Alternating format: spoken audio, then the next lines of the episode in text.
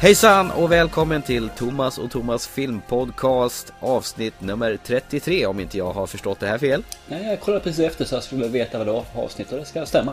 Nej, Det var en siffra, det är helt obetydligt vid det här läget. Ja, fast rätt kul att hålla räkning på hur mycket vi presterat här i livet. Så det, vad mäter du? Ja, absolut. Ja. Det måste man ju. Jag har man gjort som var 15. Då mäter man andra saker, men nu mäter man avsnitt. Eh, avsnitt 15, Eh, två filmer ska vi avhandla idag. Alltså avsnitt 15? Sa jag avsnitt 15? Ja, är det min snoriga hjärna som har liksom har vandrat iväg här? jag tror du klaggat ihop totalt. Nej, jag menar avsnitt 32 och vi har två filmer som vi ska Nej, prata om. avsnitt 33. Och vi har fortfarande vi har två filmer du har rätt i. Nej, herregud, är jag, är jag full idag? Jag vet inte Thomas. Det kommer bli skit, men vi försöker i alla fall. Två filmer, avsnitt 33. Är du nöjd nu? Nu är jag jättenöjd. Jättebra. Eh, vi var ju på bio förra veckan. Jag släpade med dig på någonting som du absolut inte hade den blekaste vad du skulle få se. Jag visste inte vad det handlade om och när jag kom dit visste jag inte ens vad filmen hette. Jag talade om för dig vad filmen hette. Ja, men det glömde jag bort för jag ville inte veta någonting. Nej, men det, det är så när man blir så här gammal som du precis har fyllt år. Jag kommer åtminstone ihåg det avsnitt 33. Ja. Nej, men det var rätt så skönt att kunna sätta sig ner på en biograf och se en film helt utan förväntningar eller eh, någonting överhuvudtaget va? jag har gjort det några gånger innan när jag inte vetat alls vad han gått in på. Och det, det, det är nästan 100% av gångerna så är det en positiv överraskning och man blir bara blown away. Ja, det ska bli väldigt intressant att se om du blev blown away den här gången också. För det, ja, det, det jag vill säga med det är ju att oftast man går på en biograf vet något om filmen så vet man vad som ska hända. Och de lägger ändå ner rätt så mycket jobb på att introducera storyn. Och eh, vet man redan vad storyn är för någonting så är egentligen den kvart, 20 minuterna rätt bortkastade. Men vet man ingenting om filmen så är den en- en upplevelse och helt fantastisk i sig. Så att där har man någonting med att man inte vet någonting om vad filmen handlar om. Bästa förutsättningar enligt mig. Ja, jag håller med. I det här fallet så kommer här då The Grand Budapest Hotel. Why do you want to be a lobby boy?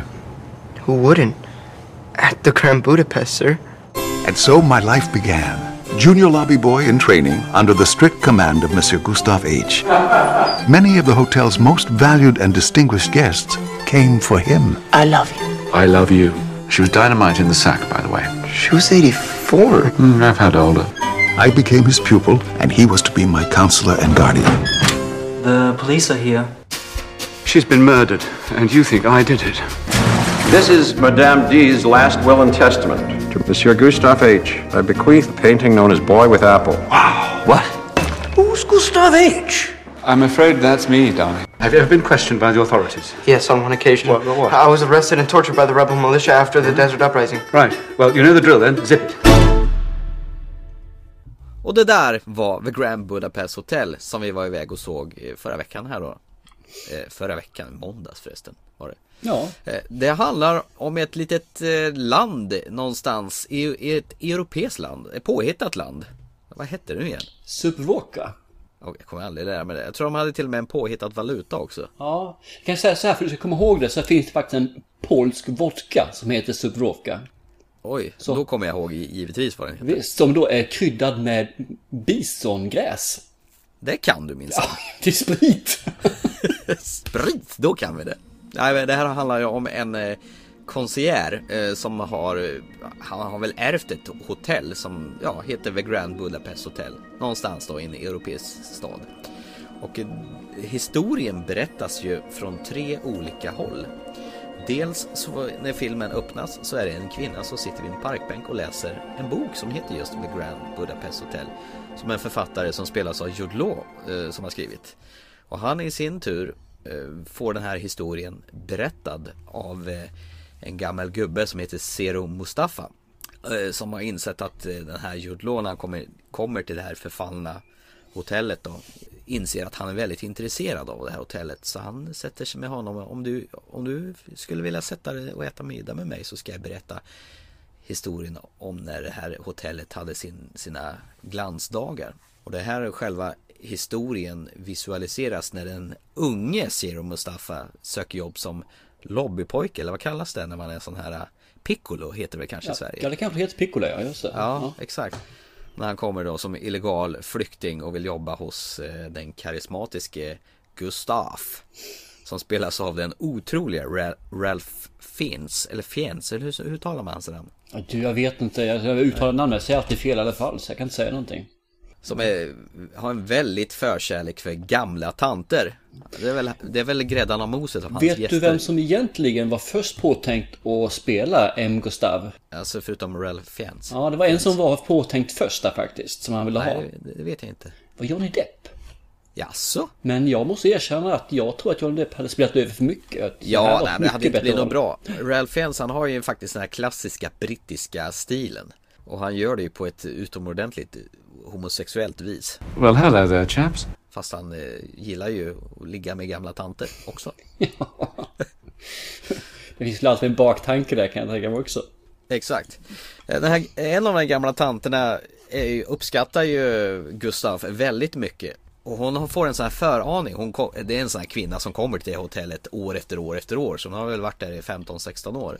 Och eh, är fruktansvärt kär i, i Gustav då. Och sen när hon ska åka därifrån så säger hon att hon har föraningar om att hon kommer dö. Nej, nej, nej, det ordnar sig. Ingen fara. Klart du inte kommer göra. Men eh, mycket riktigt så dör ju kärringen.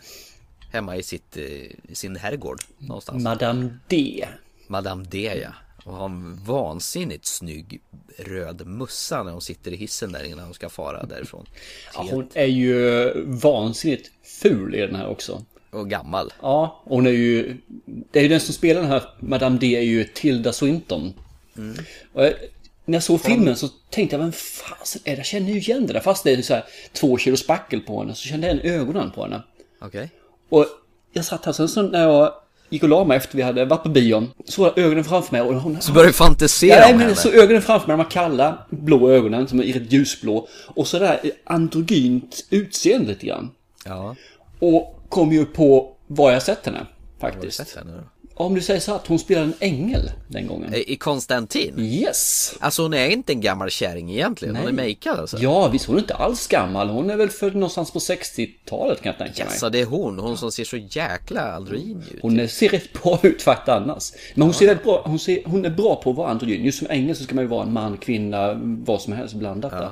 Ja, just det. De ängel Gabriel tror jag i Konstantin. Så att det där kom hon och det, det är ju något som genomsyrar hela den här filmen. Det kommer in massor av nya karaktärer som är kända hela tiden alltså. Ja, det bara sprutar kändisar i den här filmen. Jättekul. Ja. Fortsätt, Ska vi hoppa tillbaka till plotten då? Ja! Ursäkta min avbrott. nej men det är lugnt, ingen fara. Det tar en stund att förklara hela den här historien. Eh, jo, eh, kärringen eh, Madame, vad heter hon? M? Det. D. Alltså, du ser, det går inte idag alltså. Jag gör allt fel. Hon åker hem till sitt slott, dör. Han, eh, M. Gustaf då, han, han får åka dit för han vill ju ja, se henne en sista gång då. Han tycker till och med att hon är snygg. Och så här. Ja. Samtidigt skulle han väl ha det här. När de läser upp testamentet så ser man han fick någonting. Han fick en tavla. Han fick en tavla. Med Pojken, en pojke med ett äpple. Precis. Som jag tror faktiskt är någon annan, bygger på någon känd tavla som finns i verkliga livet faktiskt. Som är att det är ingen påhittad. Ja, tavlan i sig är väl påhittad men den bygger väl på den kända tavlan tror jag. Det finns Mm. någonting där med. Jag är osäker.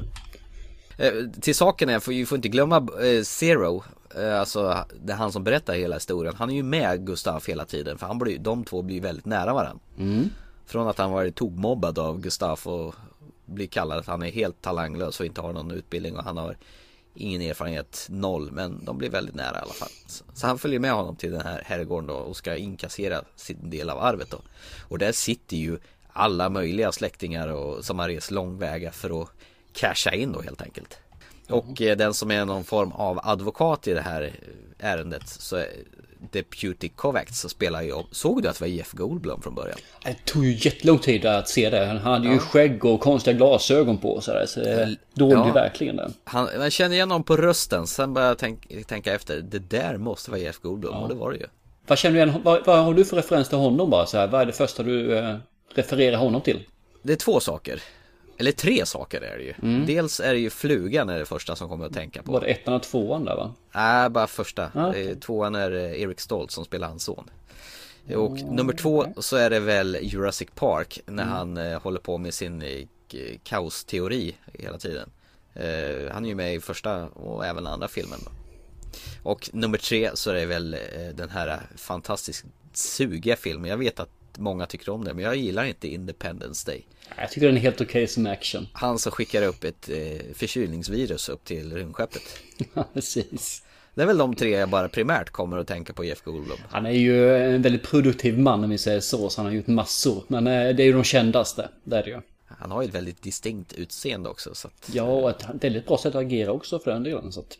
och han och Gina Davis var faktiskt ett par en gång i tiden när de, sp- när de väl spelade in flugan så hängde de ihop ett tag. Ja, okej, okej. Absolut. Fortsätt! Vi, hop- vi hoppar vilt här mellan plotten och skådespelare känner jag. Ja, men det, det blir nog lite så. Eh, Var jag någonstans? Och där satt ju alla de här släktingarna och alltihop och alla är skitsura på Gustaf då, att han har kommit dit som någon gammal tantpökare som eh, Adrian Brodys rollfigur Dimitri Eh, väl vräker ur sig. Han är, är ju den som förespråkar att det är väl han som ska ha stort sett allt. Eh, Och i bakgrunden där så finns det ju en, en eh, elak bad guy då som spelas av Willem Dafoe då. Som eh, heter Joplin. Som han ser mer eller mindre ut som någon vildsvin eller varulvsliknande. Han, har hörntänder som sticker upp och är väldigt läskiga. Ja, hörntänder, det är ju, sitter ju inte i överkäken, det är underkäken. Men han hade underbett så han skulle drunkna och gick ut när det regnade. Ja, eller de här i Star Wars kanske. De här, eh, Klingons. nej, Klingons. Nu är det i Star Trek. Ja, ja, okej. tänker Jag. Ja, ja. jag tänker de här eh, som är vakter i Jabba the Hutts eh, palats. Och Ja, okej. Ja, ja, jag vet de här grisarna ja. Ja, Ja. de har ju sån här på sådär. Ja, ungefär, ungefär. Fast mer mänskligt. Ja, hur som haver så sätter de dit eh, Gustaf då och menar på att han har mördat Madame, eh, vad heter hon? X, M, Det. D. och, så de skickar honom i fängelse helt enkelt. Och eh, därifrån så inser ju han att han, det kommer han få sitta ett tag. Så därifrån så börjar han planera sin flykt. Med hjälp av sin eh, trogna Zero Mustafa utifrån då. Han träffar ju en hel hög med goa interner som också vill hänga med ut då. Bland annat Harvey Keitel. eh, Som inte har en enda tråd på kroppen där och, är fult tatuerad över sig. Ja, streckgubbar typ. Streckgubbar har han på grund. Såg du att det var Harvey Keitel där? Återigen, han är ju gammal här alltså. Men eh, det, jag, jag tror jag känner han senare där. I början så kände jag inte alls igen för då trodde jag bara det var en, eh, ett föte som de bara plockat in från gatan. Men eh, absolut. Nu, nu känner jag att jag beskriver halva filmen här men någonstans där måste man väl ändå sluta vad filmen handlar om kanske. Man säger så här, plotten i sig själv är ju ganska simpel. Ja men det är mordgåta och någon blir framad för mordet. Och då, Det trodde ju, jag faktiskt inte liksom när väl filmen liksom tog fart och började utan jag trodde liksom att de skulle lalla runt där på det här hotellet i och med att filmen heter väl Grand Budapest Hotel men det var ju mer komplext än så. Japp. Och det är som säger, den är enkel och den här plotten har gjorts massor av gånger. Menar, Men det, det är inte plotten i sig själv som jag tycker är behållningen av filmen. Utan det är hur de framställer då karaktärerna och hur de filmar och eh, det här lite crazy-stuket som finns i den. Alltså vi har ju diskuterat eh, förra sommaren när vi gjorde det här programmet om 80-tals crazy komedier. Det för ju tankarna lite tillbaka till Top Secret bland annat. Och titta vi flyger de här filmerna. Samtidigt som man varvar det här med ett stort sett allvar. Även om det är på snudda lite på parodigenren detta. Ja, de, de, eh, alltså det är som sagt var det är väldigt eh, svårt att beskriva filmen vilken genre det är. För den är både humor, den är både allvar, den är mörk, den är klantig, den är barnfilm samtidigt som den är faktiskt eh, lite våldsam i vissa fall också. Utan, utan blod får man säga då. Men, eh, Ja, väldigt utan blod. Estetiskt så är det här ju godis att titta på. Man har ju inte gjort någon direkt hemlighet att som till exempel när man åker den här linbanan upp till det här Grand Budapest Hotel eller eh, ja, när de åker skidor i Årådel i någon sekvens. Det, det ser ju så billigt ut men det gör ju liksom ingenting för det är nog tanken att det ska se billigt ut. Nästan lite Monty Python-aktigt ja, de, billigt. de har inte försökt dölja det. Och det är ju det som gör att man köper det. Hade de försökt dölja alla de här sakerna och försökt göra lite snyggt runt omkring. Då hade man ju tyckt det var B bara. Exakt. Sen har de ju toppat det med några riktigt sjuka scener som jag, alltså, jag satt och vek med dubbelt av skratt. Det var ju så dumt så det, finns inte. var ju framförallt en scen som jag skrattade åt fem minuter senare i filmen. Jag bara kom att tänka på den när man såg filmen. Och skrattade man åt det som hände fem minuter tidigare. ja, det gjorde jag också. Jag bara jag satt ju och kom på mig själv. Jag, jag garvade fortfarande åt det ja, den är Och det var, det var ju så, jäkla länge sedan jag såg en film så jag satt och liksom bara skrattade så här högt för mig själv. Eh, Nej, inte på det viset faktiskt. Det gör jag inte heller. Utan eh, nu var det bara synd att det var så få. Det var vi två och två tjejer till som satt snett bakom oss i publiken. Det är tydligen ingen hit att gå på bio en måndagkväll i april. Nej, så det var trevligt om det varit en, i alla fall en halvfull biograf som man hade fått skratta tillsammans med hundra pers till. Ja, för den här filmen låg ju ändå på tvåa på biotoppen just nu. Ja, fast det vid det är, tillfället. måndagar som sagt var ingen höjdare. Nej. Och han har ju stoppat in så mycket kändisar så det finns inte. Vi hade ju Adrian Brody som sagt. Han är ju normalt en sån där som spelar drama och kanske möjligtvis lite action då. Och, och sen hade, du- hittade du Jude Law som var intervjuaren och sen hittade du Bill Murray eh, från Måndag hela veckan och Ghostbusters bland annat. Ja. Och sen han som ledde den här militärstyrkan leddes ju av Edward Norton till exempel. Så att det är proppat med, med kändisar som bara flimrar förbi. Owen Wilson smashar förbi där. Jag tror minsann jag såg Matt Damon på en liten kortis där Han också. såg inte jag, det var du som sa det där. Men det, Ja, jag är rätt säker på att det var han. Och eh, Tom Wilkinson, eh, det är bara massor, massor, massor. Och de har ju latchat det här med bildspråket också. Alltså, från början när filmen ska vara för jättelänge sedan så är det vanlig 4 till 3 bild, alltså vanlig tv-format. Och sen ju längre det går i, i tiden fram, till exempel när Jude Law intervjuar den gamle Zero Mustafa, då är det ju helt enkelt widescreen. Du kommer ihåg jag började klaga på när filmen började, vad fan, de har inte ställt in filmen rätt för bi bioduken. och jag sa lugn, lugn, vänta lite Ja, grann. ja men det, det känns så här, nu, nu är en sån där klant biografmaskinist som borde få spö här och jag hatar sånt när det inte är rätt. Det var ju inte riktigt så, det var rätt så omöjligt att ställa in bilden i och med att det hoppade sådär. Ja, det, det var ju meningen. Det var lite grann som den här eh, Trollkarlen från oss, som är ju samma sak. Där började man också med som Ja. väldigt smalt och svartvitt och sen när det blev riktiga filmen så gick den isär som en bioduk.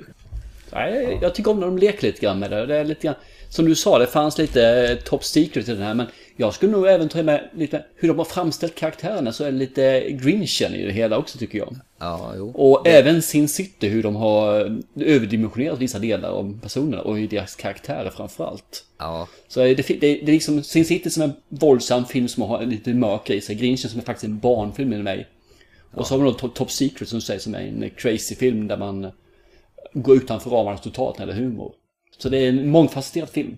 Precis. Jag vet inte var, någonstans i riktigt i tidsåldern det här ska utspela sig. Är det någonstans mellan ett par världskrig eller? Det är ju andra världskriget där ju. Ja, just det. Det är ju inte Och så svårt när man har de här SS eh, med som Ja. ser ut som blixtar. Det är ju Ja, som sagt zigzags istället för SS. Ja, och det lär ju vara nazisterna där som sagt var ju. Ja, de har ju till och med såna här, på armarna, de här eh, banden. Ja. Där, där hakkorsen brukar vara, fast där hade de ju de här eh, ZZ då istället. Och det är ju en fantastisk skottlossning någonstans i slutet av filmen också som är helt makalös. Och de använder bildtekniken från massvis på så här läckra olika vis. Det är något som sker över hela filmen just att de leker med kameravinklar och sätt att filma. Ja, Så de är väldigt lekfulla i sitt sätt att eh, framställa filmen. ja och regissören till hela det här den här gottepåsen, det är ju Wes Anderson. Har du någon relation till Wes Anderson sen tidigare? Ja, egentligen inte så jättemycket ska jag erkänna. Nej, alltså den hans största, kändaste film det är The Royal Tenenbaums. Och den alla Wes Anderson älskare håller ju den allra, allra högst överhuvudtaget. Det handlar ju om riktigt dysfun- dysfunktionella familjer. Om man, om man tittar på rollistan i den så återfinns ju rätt många från den filmen, bland annat Bill Murray, Owen Wilson och så vidare i den här också. Så att han gillar ju att återanvända sina skådespelare i film efter film. Sen har han gjort någon som heter Fantastic Mr Fox med bara djur. Jag vet inte om de är dockanimerade för jag har inte sett den faktiskt. Men Nej, inte också- jag heller. Jag har bara sett att det varit många kändisar som är med i den. Och mycket Ja. av folket som är med i den här filmen är med i den Fantastic Mr Fox också. Life Aquatic har jag för mig, jag kommer ihåg. Det någon, också med Bill Murray som han har gjort. Så att eh, jag känner nog att det är nog dags att börja beta av lite Wes Anderson-filmer faktiskt. Ja, för jag tror inte jag har sett... Eh, ja, jag kan inte komma på någon film jag sett med honom faktiskt. Så att, ja. Jag menar om alla eh, filmerna är som den här, så här fantasifullt och visuellt bländande som den här filmen är, då, då måste man ju kika in lite grann vad han har gjort tidigare. Och det väl, tillhör väl kanske god ton och filmvetande att man har sett hans filmer kanske. Ja, men jag håller med dig. Det, det, Vi får nog eh, grotta ner oss lite grann där och titta på det. Så att, Ja. Så nu, nu kommer ju min fråga här. Var det här en film som helt utan förutsättningar smäller till rakt ut? Om man säger så här att eh, om man tittar på filmen när man börjar se på den så kan man nog sammanfatta den lite grann med Bill Murrays, Bill Murrays karaktär som heter Mivan. Ja. Som betyder, eh, om man tittar på det på ungerska faktiskt, What's going on? Okej.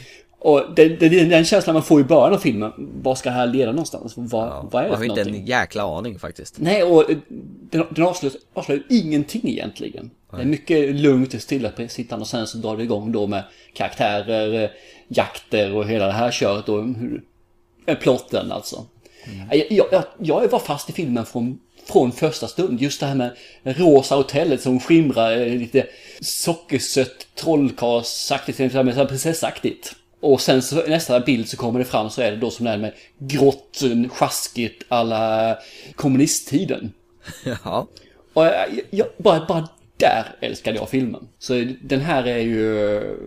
Den släpper inte taget någon gång tycker jag. Nej. Så man, jag föll pladask. Sen händer det ju så vansinnigt mycket hela tiden. Ja, runt omkring. Det, det är Ja. lite grann som Top Secret igen. Det händer saker överallt i filmen. Så man kan nog se den tre, fyra gånger och upptäcka nya saker för varje gång. Ja, jag tror det. Det är, det är ju liksom som, ja, det är, min son har en favoritbok som heter En tur med hunden som, som han älskar mer än allt annat. Eh, det är alltså egentligen bara 8-9 sidor med väldigt detaljerade ytor. Det är slott och det är vatten och det är hav och rymden och alltihopa. Och varje gång vi läser den här så upptäcker man någonting nytt varje gång. Som inte jag tänkt på, oj det här såg jag inte förra gången jag läste för honom. För det är väldigt detaljerat. Och det är lite som den här filmen. Jag tror att man, som du säger, upptäcker mer och mer för varje gång vi ser den. För det, händer så mycket i bakgrunden och alltihopa som man liksom inte hinner registrera. Och allting går med en jäkla fart helt enkelt. Det är helt klart en film jag kommer se igen när den kommer upp på DVD. Lätt. Det, jag tror att det här är någonting jag kommer beställa som kommer stå i min Blu-ray-hylla. Alla gånger. Som ni märker så hyllar vi filmen eh, ganska brutalt här och det var väl en av oss som har uttryckt det här att det är årets bästa film. Ja, det kan jag lätt göra. Det här är absolut hittills, ska jag vilja säga, årets bästa film. Och jag Oj, tror... börjar du med brasklappar? Va? Börjar du med brasklappar? Nej, nej, nej, alltså? nej. nej men alltså året har ju precis knappt börjat. Det är, vad är det? Månad fyra av eh, 12. Och har vi nya lyssnare där ute så är det det här att Thomas förra året ändrade sig i stort sett för varje program vi gjorde. När han hade sett Nej, ny jag ändrade mig två gånger gjorde jag. Nu ska du inte ta i så du skiter på dig. Det var åtminstone fyra, fem gånger på en månad där. Nej, det ena gången, det var, det var ju faktiskt den här eh, med de här kvinnliga vampyrerna som inte egentligen var vampyrer. Byzantium med Gemma Ar- Artyom. Eh, förresten så påminner ju den väldigt mycket om Highlander-filmen när jag tänker efter. Programmet som vi pratade om förra gången. Ja, till viss del. Ja, det här att det berättas i olika tidsåldrar och man får reda på nutid, dåtid och får egentligen ingen aning från början och det liksom ger mer och mer och mer. Väldigt lik Highlander när jag tänker efter. Det som jag kom fram till är, som Thomas ändrade sig så mycket så betedde han sig lite grann som en tonårstjej som ena veckan tycker om Justin Bieber och andra veckan så är det en annan som hon har som favorit och är förälskad i. Ja, ja. Så då kallar jag dig vid ett namn där tror jag. Ja just det. Jennifer. Jennifer ja, just det. Jag vet inte vad det är för namn i år om du håller på att ändra så här mycket men vi ska hitta på något roligt tänker jag. Ändra mig, jag har bara påstått än, än så länge att det här är årets bästa film till dags datum. Jag tycker vi går på min historia här. Ja, ja okej då. Nej, men jag, om, alltså jag tror det blir svårt att hitta någonting som var en sån här riktig smällkaramell som var vis, så här visuellt bländande och som tilltalar mig så här mycket. Så här mycket kul har jag ju liksom inte haft på bio sen jag vet inte när. Jo, det var väl kanske när vi såg första Kick-Ass som gick ut med en sån här eh, sprudlande bubbel eh, i kroppen. Kick-Ass och Zombieland. Ja, Det var sådana här lyckopiller båda två filmer. Och Matrix The Grand var Budapest också- Hotel. Nej, det var ingen lyckopiller. Jag såg faktiskt den på, jag såg inte den på bio, jag såg den på DVD. Alltså, jag såg den på bio. Likadant Pulp Fiction var jag också helt eh, blown away. Men det var inget lyckopiller om man säger så. Det var bara att man, som du säger, blown away. Att det är en sån fantastisk film. Jo men det är sant, det, det, det är inte riktigt samma sak. För annars har ju liksom- Sin City som är min, där jag gick därifrån och var lyrisk. Ja det är ju din uh, filmonani-film är det ju. Ja, absolut. Det skulle kunna vara min bibel. På riktigt, det här är det här är så bra så det finns inte alltså. Jag är helt såld. Wes Anderson är min nya idol. Jag ska beta igenom allting han har gjort. Ja, men jag, ska nog se några stycken där också då. Det, det måste jag göra. Och framförallt den här, vad sa den hette för någonting? Den, Eh, The Royal Tenenbaums. där ja, de, den filmen ska jag se i alla fall. Och är Ja, den den- lika bra som att beta av några till efter det så, men framförallt den. fans av eh, Wes Anderson håller den absolut allra högst. Är, är vi färdiga? Jag känner mig jättenöjd med den här filmen. eh, Både nu och när jag gick på biografen. Så att, Ja. Som sagt var skulle gärna kunna se den en gång till. Undrar bara hur många kända skådespelare man missade. Bara för att man tittade på annat under tiden. Tänkte säga. Men man, man fokuserade på något annat i filmen. Ja, ja, du menar så. Yes, ska vi kriga vidare? Jag tycker vi gör det. Absolut. Jag försökte vara fyndig, Ja, jag märkte märkte det. Så lågt. Och filmen vi ska se är ju... Lone Survivor. Precis. En eh, krigsfilm. Amerikansk krigsfilm egentligen. Afghanistan. Den här vi, kommer väl an på att vi ska prata om. Det är väl för att vi har fått från flera håll önskemål att vi ska prata om den här. Mm, precis. Den är, var ju ett tag sedan den gick på bio som sagt var. Så att gick vi upp Ja. i februari där någonstans. Ja, så fick man, vi var ju iväg och såg den här rackaren och hade ju egentligen inte riktigt tänkt att prata om det här först men Det finns ju så mycket filmer så man får ju sortera lite grann vad man tar och inte tar. Ja, men eh, vi har ju sagt att vi ska prata om det som ni vill att vi pr- eh, ska prata om. Och eftersom det är flera som har sagt att den här filmen vill vi höra. Då gör vi det. Bad guy, senior Taliban commander. Shaw killed 20 Marines last week. We let him go. 40 more will die next week. A lot more than 10 guys. That's an army. Let's fall back to that tree line. This op is compromised. We got two options. One, we let them go. The second that they run down there, we got Taliban on our backs. Two, we terminate the compromise. Not feeling it, not killing kids. I think we did the right thing. Isn't that how things work? Good things happen to good people? We're fixing to get into a pretty good gunfight. Do it.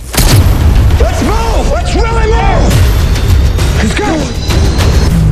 Shot me. We're all shot, bro. Can you fight? I can fight. I can fight. Då så, då är det din tur att dra plotten för eh, Mark Wahlbergs eh, Krigis. Ja, den är lite enklare den här plotten. Det är ju egentligen eh, i Afghanistan, Navy Seals som är där.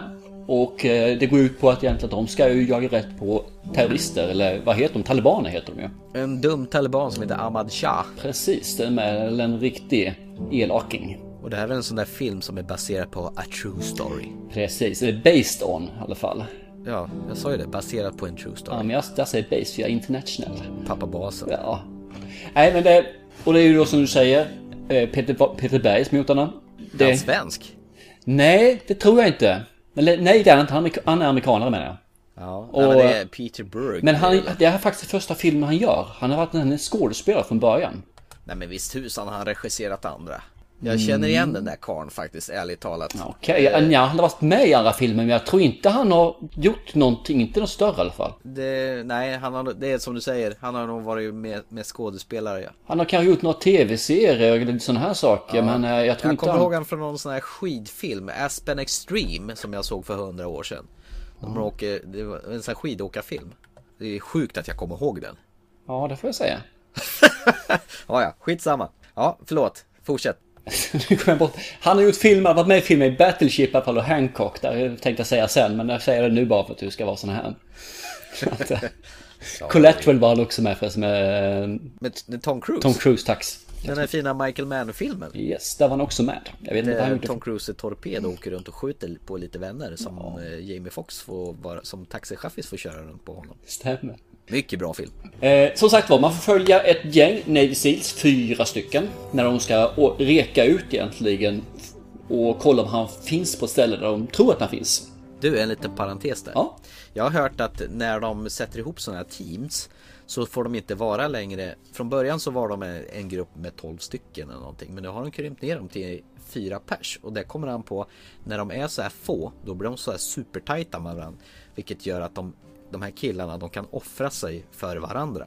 När de är en sån här grupp på 12 pers då blir de inte lika tajta och då är lojaliteten i gruppen inte li, riktigt lika hög. Så därför sätter de ner dem i här Ja, små okej, okej. Ja, intressant. Ja, det var, det var ju kul. En liten Ja, det var jättekul att faktiskt höra det där. För jag har också hört, att- eller man har sett innan så är de alltid fler. Men varför för mig så är de ju fler på basen. Att man väljer ut... Eh, Ja. Man väljer ut gänget efter kompetens och eh, vad som behövs just då om man säger så. Men i alla fall man följer dem när de vandrar framåt där och de hittar givetvis den här Amadsa. Och tyvärr så lägger de sig och vila under några grenar, några träd där och det kommer getter och fåraherdar som de måste ta till fånga. Och vad gör man då? När man har tagit till fånga tre eller fyra stycken personer, civila. De har med sig en telefon som givetvis kan användas till att ringa till Amassad då ju. Och varskor dem. Så antingen så har de, de har tre val. Antingen så släpper de dem lösa och då är ju uppdraget slut. Eller så låter de dem vara bundna som de är nu då och kommer antagligen frysa ihjäl eller bli uppätna vargar. Eller det tredje alternativet då, man skjuter ihjäl dem och fortsätter uppdraget. Och efter mycket dividerande där så kommer vi fram till att vi kan inte döda dem för de är civila så de skär loss dem och eh, släpper dem lösa.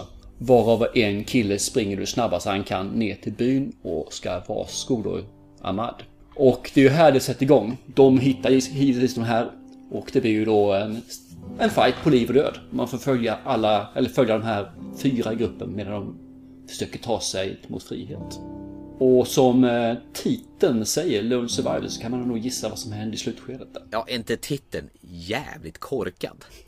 Jag kan nog inte mer hålla med där. Filmen tycker jag börjar jävligt intressant. Man får ju se i förtexterna hur de drillas och tränas till de här fantastiska Är inte det lite grann som Full Metal Jacket, samma sak där? Jo, det är det ju förstås. Och det är då filmen är som bäst egentligen.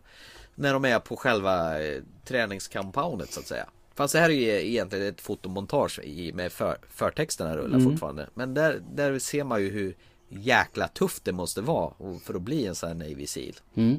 De rullar i lervälling och de kryper och gör armhävningar. De springer tidigt på nätterna och i spöregn och... Ska ligga i kallt vatten och Ja, de ska visst. göra drunkningsförsöket. Ja, man- det här kallas Jag kan inte andas försöket och så att de nästan ja, dör av Och För ni som inte vet vad det är för någonting så är att jag inte kan andas försöket innebär att du har händerna bundna bakom ryggen, du har fötterna hopbundna i anklarna och sen släpps du ner i, i vatten. Så ska du sjunka ner mot botten i vatten, i botten då och sen ska du skjuta ifrån så du kommer upp och kan andas. Och för att kunna göra det så måste du tömma lungorna så du sjunker så snabbt som möjligt. Så du måste tömma lungorna snabbt, skjuta ifrån upp så du får andas in och sen skjuta och andas ut igen snabbt som attan. Så där jag kan göra detta och få åka, upp- åka upp och ner som ett lod då. Det låter som du har utövat det här Nej, men jag tycker det är intressant hur de bryter ner folk för att sen kunna bygga upp dem både fysiskt och psykiskt. Ja, sen får man ju se hur de här eh, Navy Seals killarna boundar ordentligt liksom hur tajta de pratar liksom om vardagliga ting om sina fruar där hemma och någon av fruarna vill ha en eh, vit eh, vad, egyptisk häst i bröllopspresent till exempel. Egyptisk? Ja, var det inte det? Nej, ursäkta mig. Men man, man, man kallar den, eh, just det, nu kommer jag inte ihåg själv vad det är för något, men det är ju en eh, arabisk häst, vad heter det? Ja, förlåt, arabisk häst. Ja, det är väl arab. fa- Egypten, arabisk, skit i samma. Den heter nog arab förresten, Ja, bara, hästen. Ja, ja, arabisk häst, förlåt. En vit arab. Ja. ja. Och sen kommer ju uppdraget då. Egyptisk häst. Det tyckte du var kul. Ja, det tycker jag. Säg- Säger han som inte kan säga korv ordentligt. Fullständig smädelse, alltså ingen, helt okej. Jo, och liksom det, det, jag tycker det är ganska soft när man får liksom se hur, hur tajtad den här gruppen är. Och sen blir de vägskickade på uppdrag i helikopter och ner sänkta. Sen är det ju dessutom en kille som inte får vara med i gruppen som är egentligen utmobbad. Jag Han är tänker- ju ny så det är en Ja. initiering som behövs De göras. snackar ju skiten nu. Ja, visst. Eh, hur som haver, och sen när de kommer bort till Afghanistan där och, och ligger uppe i den här bergen och bara väntar. Jag tycker det är ganska jäkla läckert när de bara väntar. Och eh, märkte du det? Du hade ingen som helst musik i hela filmen. Det var helt, det var bara ljud och ljudeffekter och alltihopa. Ingen musik överhuvudtaget. Nej, stämmer, stämmer. Tycker jag är rätt läckert. Så, och jag, de höll på att zooma in på den här eh, Ahmad Shah och då tänkte jag nu jäklar, nu har vi honom på kornen. Nej, vi måste vänta in, alla måste liksom ha grepp på vart de är och alla de ska ha klartecken och så vidare. Så långt, så väl. Då tycker jag det här kan bli en riktigt bra film. Det gick rätt så långsamt. Det var, de skyndade inte på någonstans och det kändes, ja men det här blir bra. Mm. Ända tills de där jävla jätterna kommer. Va? Och eh, de här vältränade SEALS-killarna gör ju allting fel från början. Eh, jag gillar eh, själva idén med den moraliska betänkligheten. Vad gör man? Ska man bara låta dem gå? Ska man ha ihjäl dem? Ska man binda fast dem så de fryser ihjäl? Det, det här valet, det var, köpte jag också. Det var helt okej. Det intressanta var att jag hade ett fjärde alternativ där faktiskt som var det första som slog mig. För Okej. första så skulle man ju skurit loss den gamle mannen som Ja. inte gick så snabbt och så skulle han sagt att Du får gå ner och hämta hjälp. Ja. Och sen så har de då kanske då mer eller mindre en halv dag eller en dag på sig att gå någonstans liksom. Ja, nu hade de väl kanske någon timme istället. Ja, de kanske hunnit bort lite längre. Ja. Nej, men de är ju väldigt snabba de här talibanerna på att leta på de här SEALs-killarna. Och där går fasen in i nummer två. Navy Seals-killar som ramlar ner för klippor. Och studsar och slår sig och slår i huvudet och slår i ben och slår i magen. Så i alla fall tre av de där fyra borde varit stendöda på vägen ner när de studsade på de här stenarna. Och det var ju verkligen så här visuellt nu slår jag i huvudet här. Ja, för borde- mycket slow motion gjorde de i vissa fall också. ju. Väldigt mycket slow motion. Och det enda som händer egentligen är att de blir lite blodigare. Så de blir lite köttiga i ansiktet och sådär. Och, de, och det räcker ju inte att ramla ner för en klippa en gång utan de måste ju göra det en gång till när talibanerna är i närheten och börjar skjuta på med så här eh, granatkastare på Ja, dem. just det. GG. Ja, RPG eller vad heter det? Och då är nästa varv de håller på och ramlar och slår sig, nummer två, då bara, men vad fan är detta? Nu börjar det bli parodi av det hela. Där tycker jag filmen spårar ut något djävulskt och all trovärdighet som man har byggt upp med den här filmen som based upon a true story lovar i början av filmen. Det blir bara en pannkaka ut, ursäkta uttrycket. Vad tycker du? Du summerar den ganska klockrent där faktiskt måste säga. Ja. Eh, vad ska man säga mer? Menar, det som du säger, det blev, blev för mycket av all det goda om vi säger. Så de försöker göra en action av den och det enda det blir är ju lite clownerier egentligen. Att eh, Navy Seals är supersoldater, är supermänniskor egentligen. Och de är ju allt. superklantiga. Nej, Klantiga vill jag inte säga om man säger så. De har ju ändå, de är ju drivna ut mot det här klippavsatserna. De har egentligen inte mycket att göra för talibanerna känner ju till terrängen och vet ju hur de ska göra. Men det är liksom att talibanerna missar mycket. Även om de träffas ibland så missar de jävligt mycket. Men eh, amerikanerna de sopar in varenda skott i stort sett. Ja, ja, och det dammar röd, alltså det ser inte ut som blod. Nej, just att det skvätter ju Det väldigt mycket. skvätter och det stänker. Det är som röda så här moln hela tiden. Ser man det här som du säger, de här två segmenten. De, eh, man ser förtexter, de utbildar, de har den här tiden på basen. Eh, lite grann när de planerar och eh, går fram till det. Då är den, det är ju mer en, eh, en drama och den skulle funka. Sen så när man börjar göra det här till en action för att man ska få det att det ska bli eh, lite bättre. Lite mer eh, visuellt och lite mer att folk tycker att det är värt att gå på det om man säger så, att se på det. Ja, då förlorar det mig också, det gör det alltså. Det, det ger mig inte, ja, det ger mig ingenting. Med tanke på titeln som jag har återkommit flera gånger så avslöjar det hela tiden hur det går. Så det, det förstör ju själva hela upplägget. Hade filmen hetat något annat då hade man ju inte kunnat lista ut riktigt till 100% i alla fall utgången på filmen. Nej. Så att jag tycker han fäller sig kroppen på sig själv genom att döpa filmen någonting till så ur... Det här är nu den mest urkorkade titel på en film någonsin. Det är ungefär som att spela upp en trailer och visa slutet. Ja, det har ju hänt som sagt. Ja, Alltså. som de gjorde senast i den här Liam Neeson-filmen eh, eh, Nonstop. Och framförallt så börjar de ju filmen med slutscenen då. Vilket jag inte tänker tala om hur den är. Och slutet är ju vidrigt alltså. Ja, man kan inte säga att det är något lyckligt slut i sig egentligen. Själva slutslutet kanske okej, men eller lyckligt. Men däremellan så känns det... Och så kommer det här slabbiga med alla, vad heter det, stillbilder och namn och ska berätta vad som har hänt med alla. Just det där jag glömt bort den. Ja, det är ju så vid och så här, så här patriotisk musik i bakgrunden. Och det, det ska liksom förklaras till det yttersta. Det är så typiskt amerikanskt så det finns inte. Ja, men det, det var lite grann... Det jag känner, man, man såg Top Gun.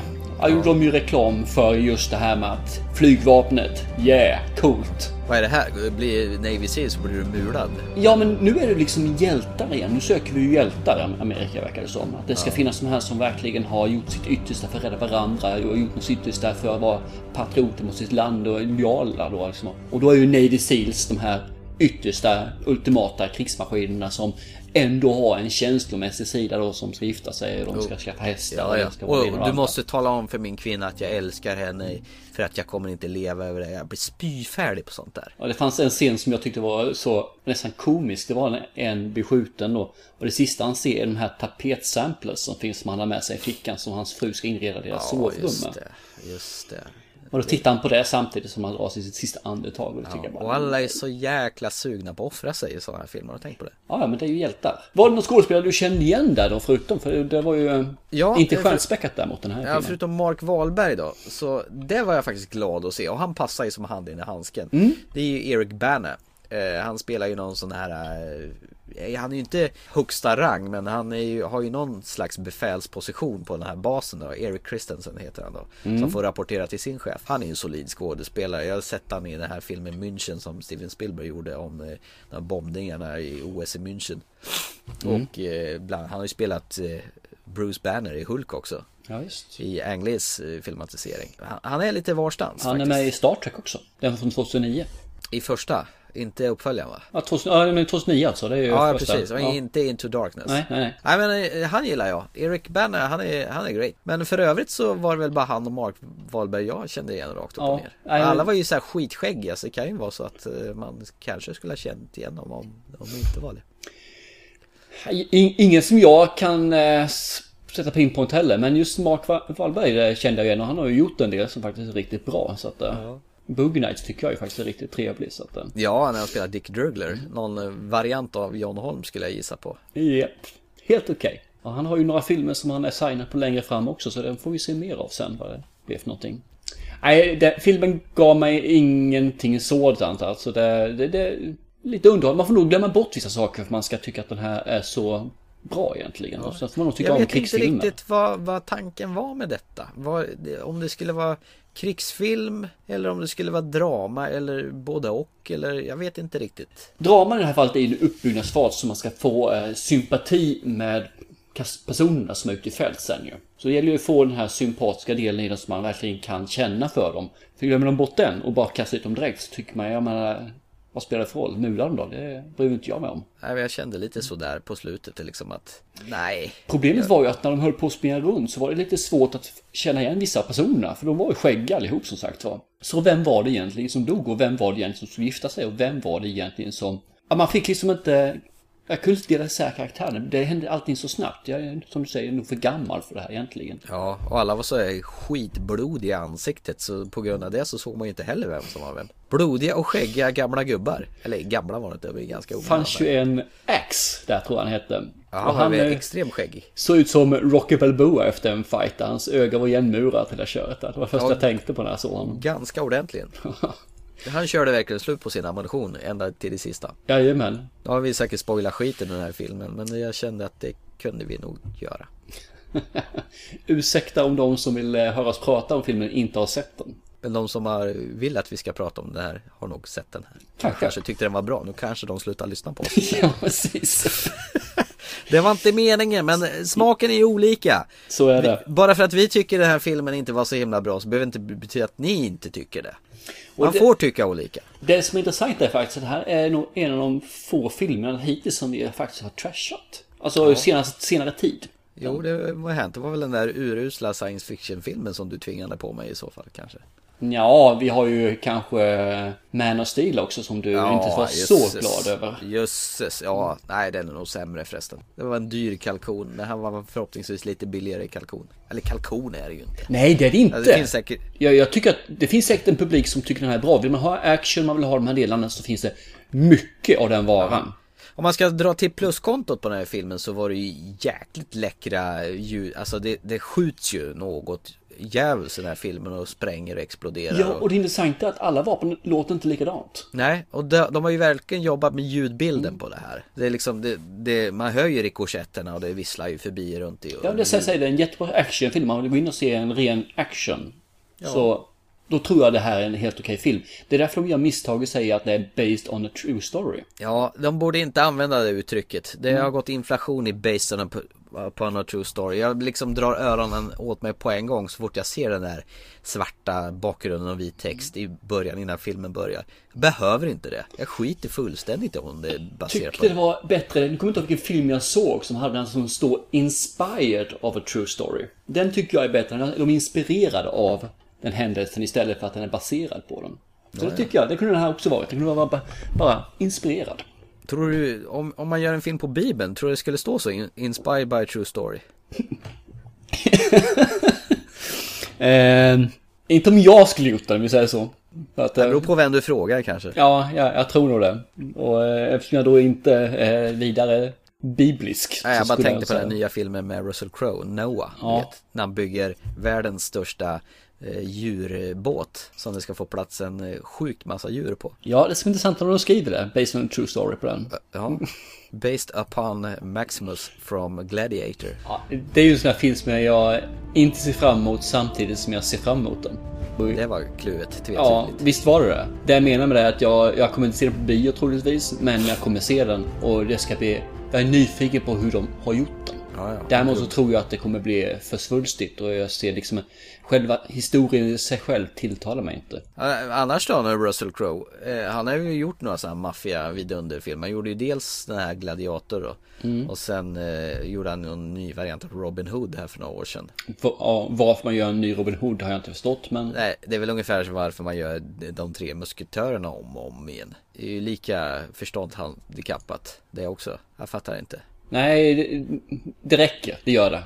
Sen försöker man göra en ny tappning, men det funkar inte. Bästa Russell Crowe hittills, eller hittills tycker jag, men det är ju hans tidigare, den här LA Confidential. Sen var jag med i Man of Steel som är en riktigt bra film, eller hur? Ja just det, han var ju pappa i Jorel ja. Helt sant. Han väser lite i början. Innan planeten exploderar. Sen han är han ju också, han gjorde ju, för två år sedan gjorde han ju en riktigt stor film som inte jag har sett faktiskt. Och det är ju Les Misérables. Ja, den här han sjunger. Ja. Det är Hugh, ha- Hugh Jackman också med och sjunger ja. Jag har ju varit och sett den som musikal i London och den Var är den ju bra? Ja, fruktansvärt bra. Den är en av de bättre jag sett. Jaha, varför har du inte sett filmen för då?